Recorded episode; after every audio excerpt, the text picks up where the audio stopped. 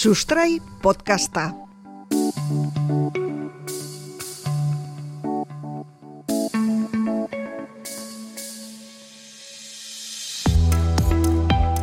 Penizilinak mundua aldatu zuen, e, antibiotikoen garaia ireki zuen nola baitez. E, bapatean, sendatu ezin ziren gaixotasun asko, sendatu egin genituen. Bueno, oroar bakterioek eragindako gaixotasunak ziren. Eta sendatzen hasi ginen, pentsatzen ez genuena, sendatuko genuela, eta nola ez ginen ba pozik egongo. Denetik esan zuten, esan zuten gaixotasunen kontrako borroka irabazi genuela. Eta pozgarra izan zen, baina handi bat zegoen ordutik aurrera antibiotiko gehiago erabiltzen hasi ginen, logikoa den bezala, baina iritsi zen antibiotikoen alde txarra. Bakterioek ikasi zuten antibiotikoen kontra egiten. Eta pixkanaka, erresistente bihurtu ziren. Zein da soluzioa? Antibiotiko gehiago egitea? Ba behar bada, baina beste ideia batzuk ere badaude horien artean bakterioak jaten dituzten virusak erabiltzea, fagoak erabiltzea. Horri buruz hitz egingo dugu gaur. Antibiotikoen ordez fagoak erabiltzeari buruz. Hau sustrai podcasta da. Zuekin Guillermo Roa, Eluiarko zientzia divulgatzailea. Baina ez nago bakarrik.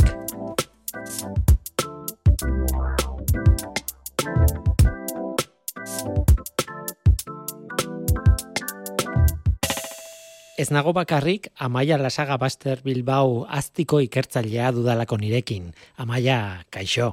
Kaixo. Ideia oso da, egia esan, eh? E, bakteriofagoak deitzen dira. Bakterioak jaten dituzten virusak nola baitez, e, erabiltzea, eta modu horretan virusek jaten badituzte bakterioak, ez ditugu antibiotikoekin tratatu behar, ez? Hori da ideia nagusia, ez? Bai, bai, bai, hori hori da ideia nagusia. E, zuk esan duzun moduan, gaur egungo testuinguru horretan, ba, premiazkoa da irtenbide berria garatzea, bai, antibiotikokiko erresistentziaren arazo hori erantzuteko, eta baita ere mm, beste patogenoen, beste elikagaien transmisioko patogenoen dagoen prevalentziari irtenbidea emateko. Eta ba, gure ikerketa taldean, bakteriofagoak erabiltzea etorkizun handiko estrategia bat dela pentsatzen dugu eta horretan gaude.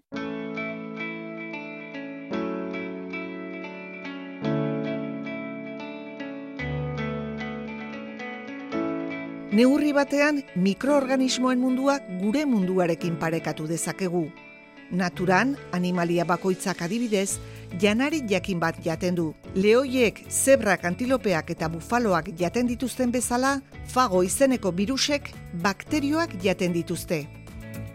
Benetan ez da bakterioak jatea, baizik eta bakterioak infektatu, haien genetikaz baliatzeko eta virus berriak sortzeko.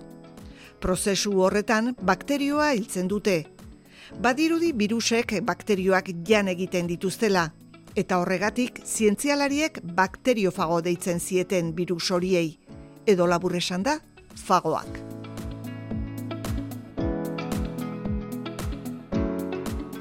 Batzutan edo askotan esaten da fagoak virusonak direla, bakterioak bakarrik kutsatzen dituztelako eta beraz erabat kaltegabeak direlako gizakiontzat, baina baita ere landarentzat, animalientzat e, eta bar, Eta bueno, e, bakterioak bezala edo non egon daitezke fagoak, e, edo zein lekutan aurki ditzakegu.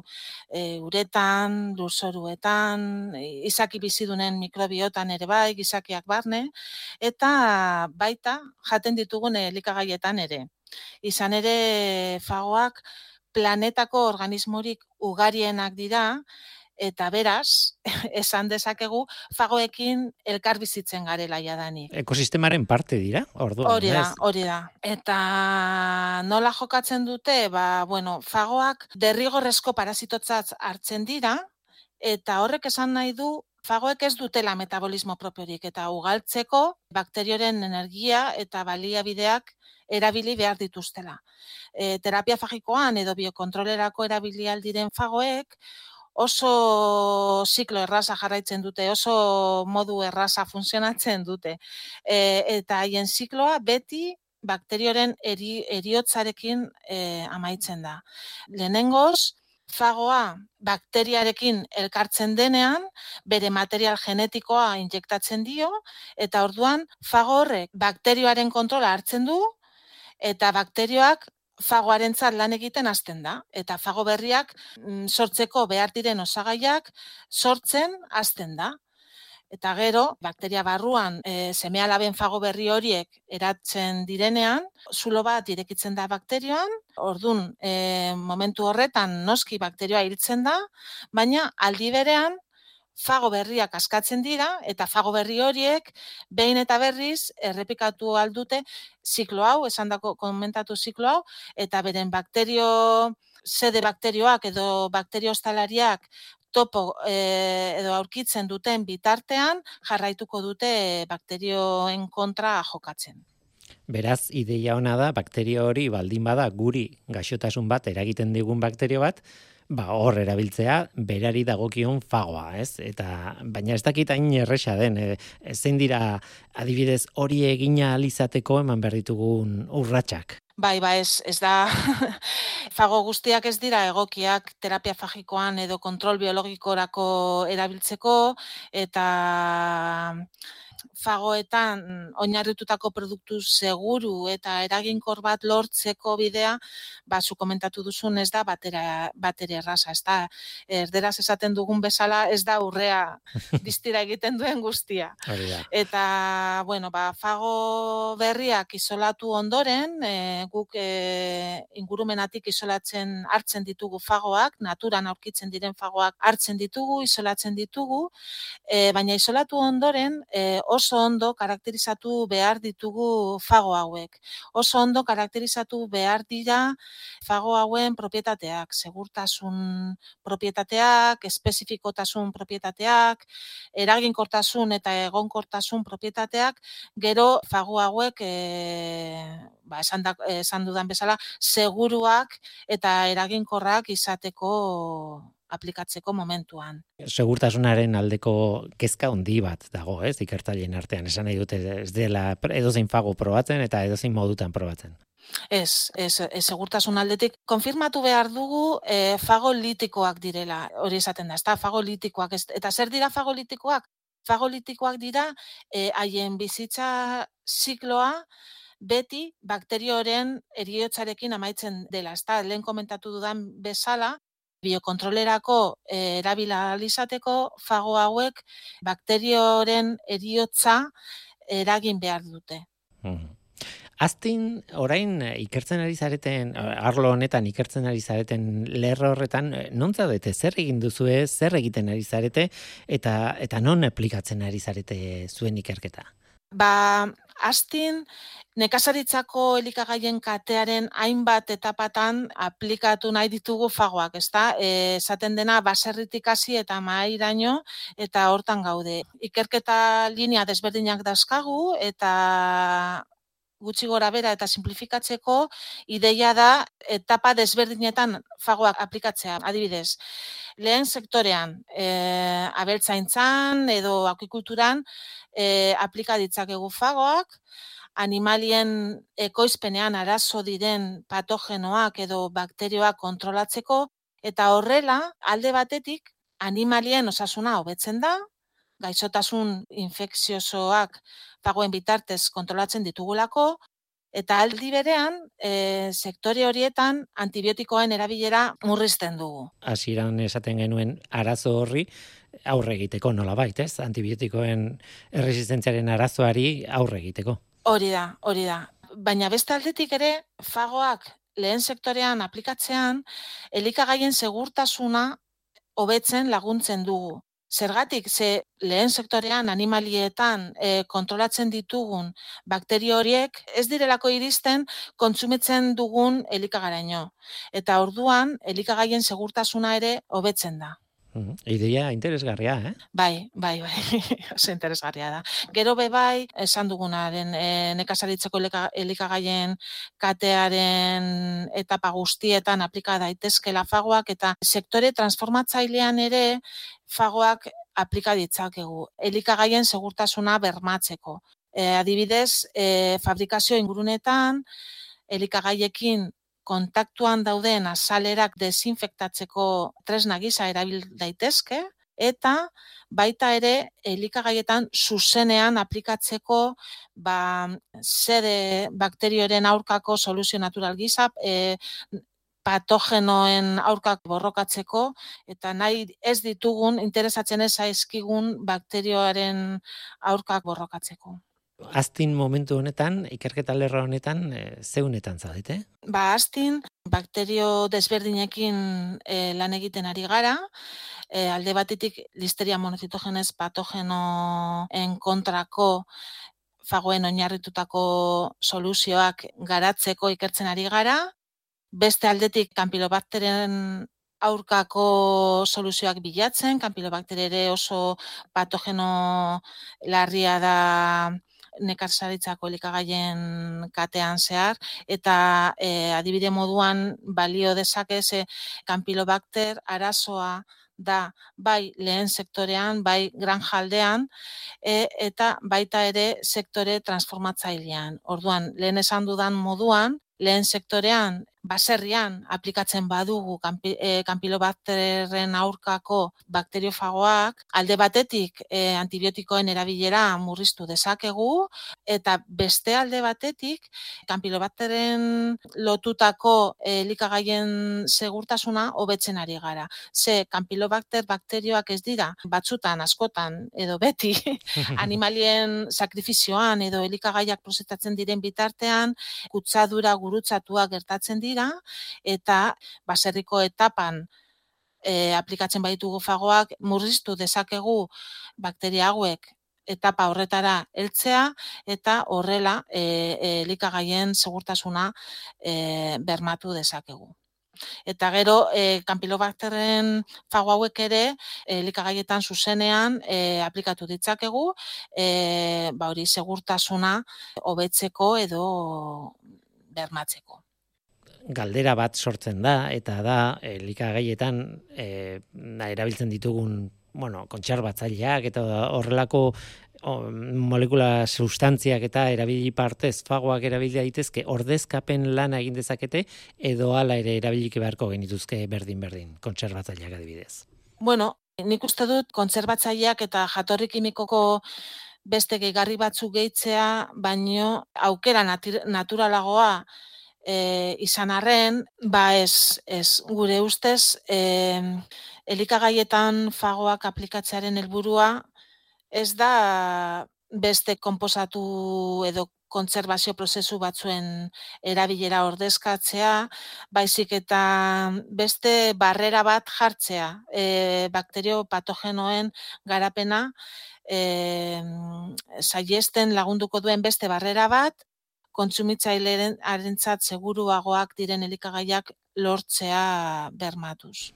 Orduan ideia marabilloso bat atorkigu burura. E, elikagaietan erabili badaitezke bakteriofagoak zergatik ez erabili osasunean zuzenean, ez? Alegia, e, antibiotikoak gaur egun erabiltzen ditugun tokietan ezingo ditugu bakteriofagoak erabili? Bai, bai, bai, eta gainera azken urteotan asko aurreratu da arlo horretan.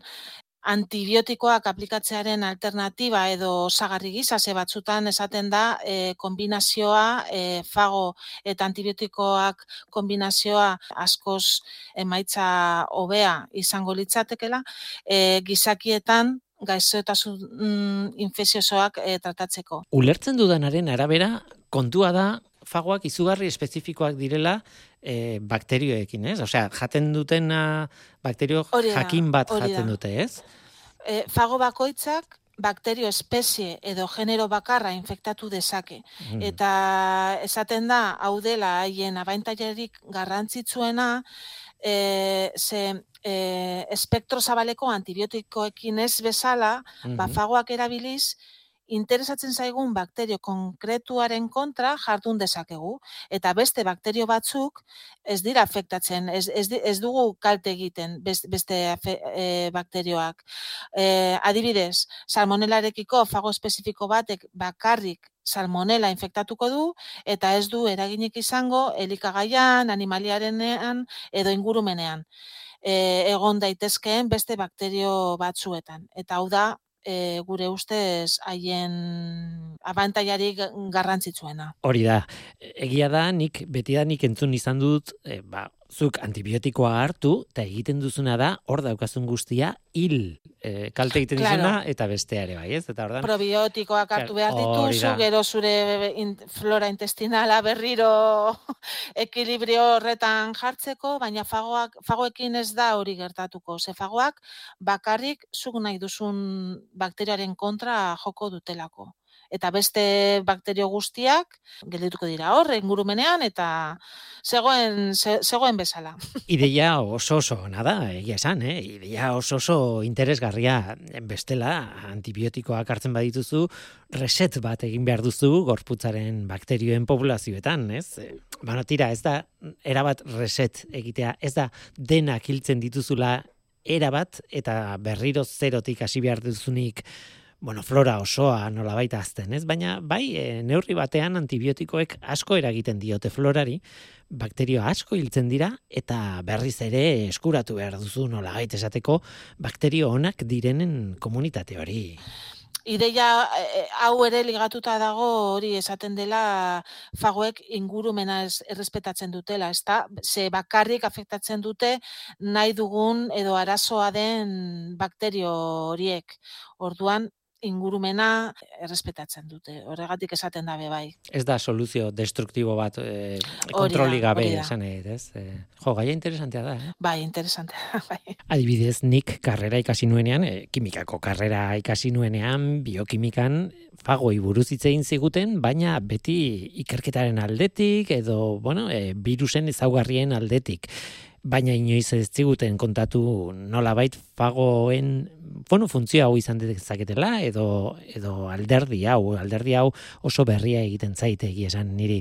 Eta egia da virus klasiko batzuk daudela, fago klasiko batzuk daudela, ba adibidez Margarita Salasek erabiltzen zuen em, fago fi hogeita bederatzi ospetsu ura, ez? Baina, bueno, klasikoak dira, berak erabilizuelako eta klasiko bihurtu zuelako berak. Bai, Bereik bihurtu zuten oso laboratiko fagotipikoa, ez? Bai. Berak bere lan egin baino lehen, e, bueno, ezagutzen zuten, e, aurkitu zuten gare batean, ezagutzen zuten eta lan egin zuten horrekin, baina beretan berak erabili zuen asko eta bihurtu zuen tipiko.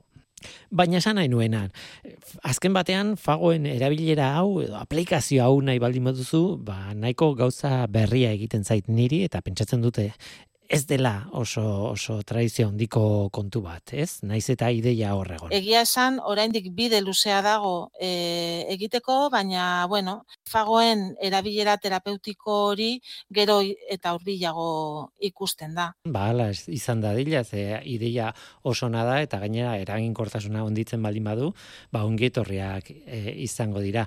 E, noski, hori dena, e, jakinda, ze bakterofago e, erabili, ze ingurutan eta ze gaixotasunarekin eta ze testu inguruan. Ba, Amaia Lasaga Baster Bilbao, aztiko ikartzailea, eskerrik asko gurekin izateagatik eta nire gaurko aditua izateagatik. Eskerrik asko zuri. Fagoak, bakterioak bakarrik infektatzen eta hiltzen dituzten virusak. Haientzat kaltegarriak, guretzat aldiz, litekena da, onuragarriak izatea. Tira ba, onaino gaurko atala, urrengo atalean gehiago sakonduko dugu sustrai honen bitartez. Ordur arte, agur denoi.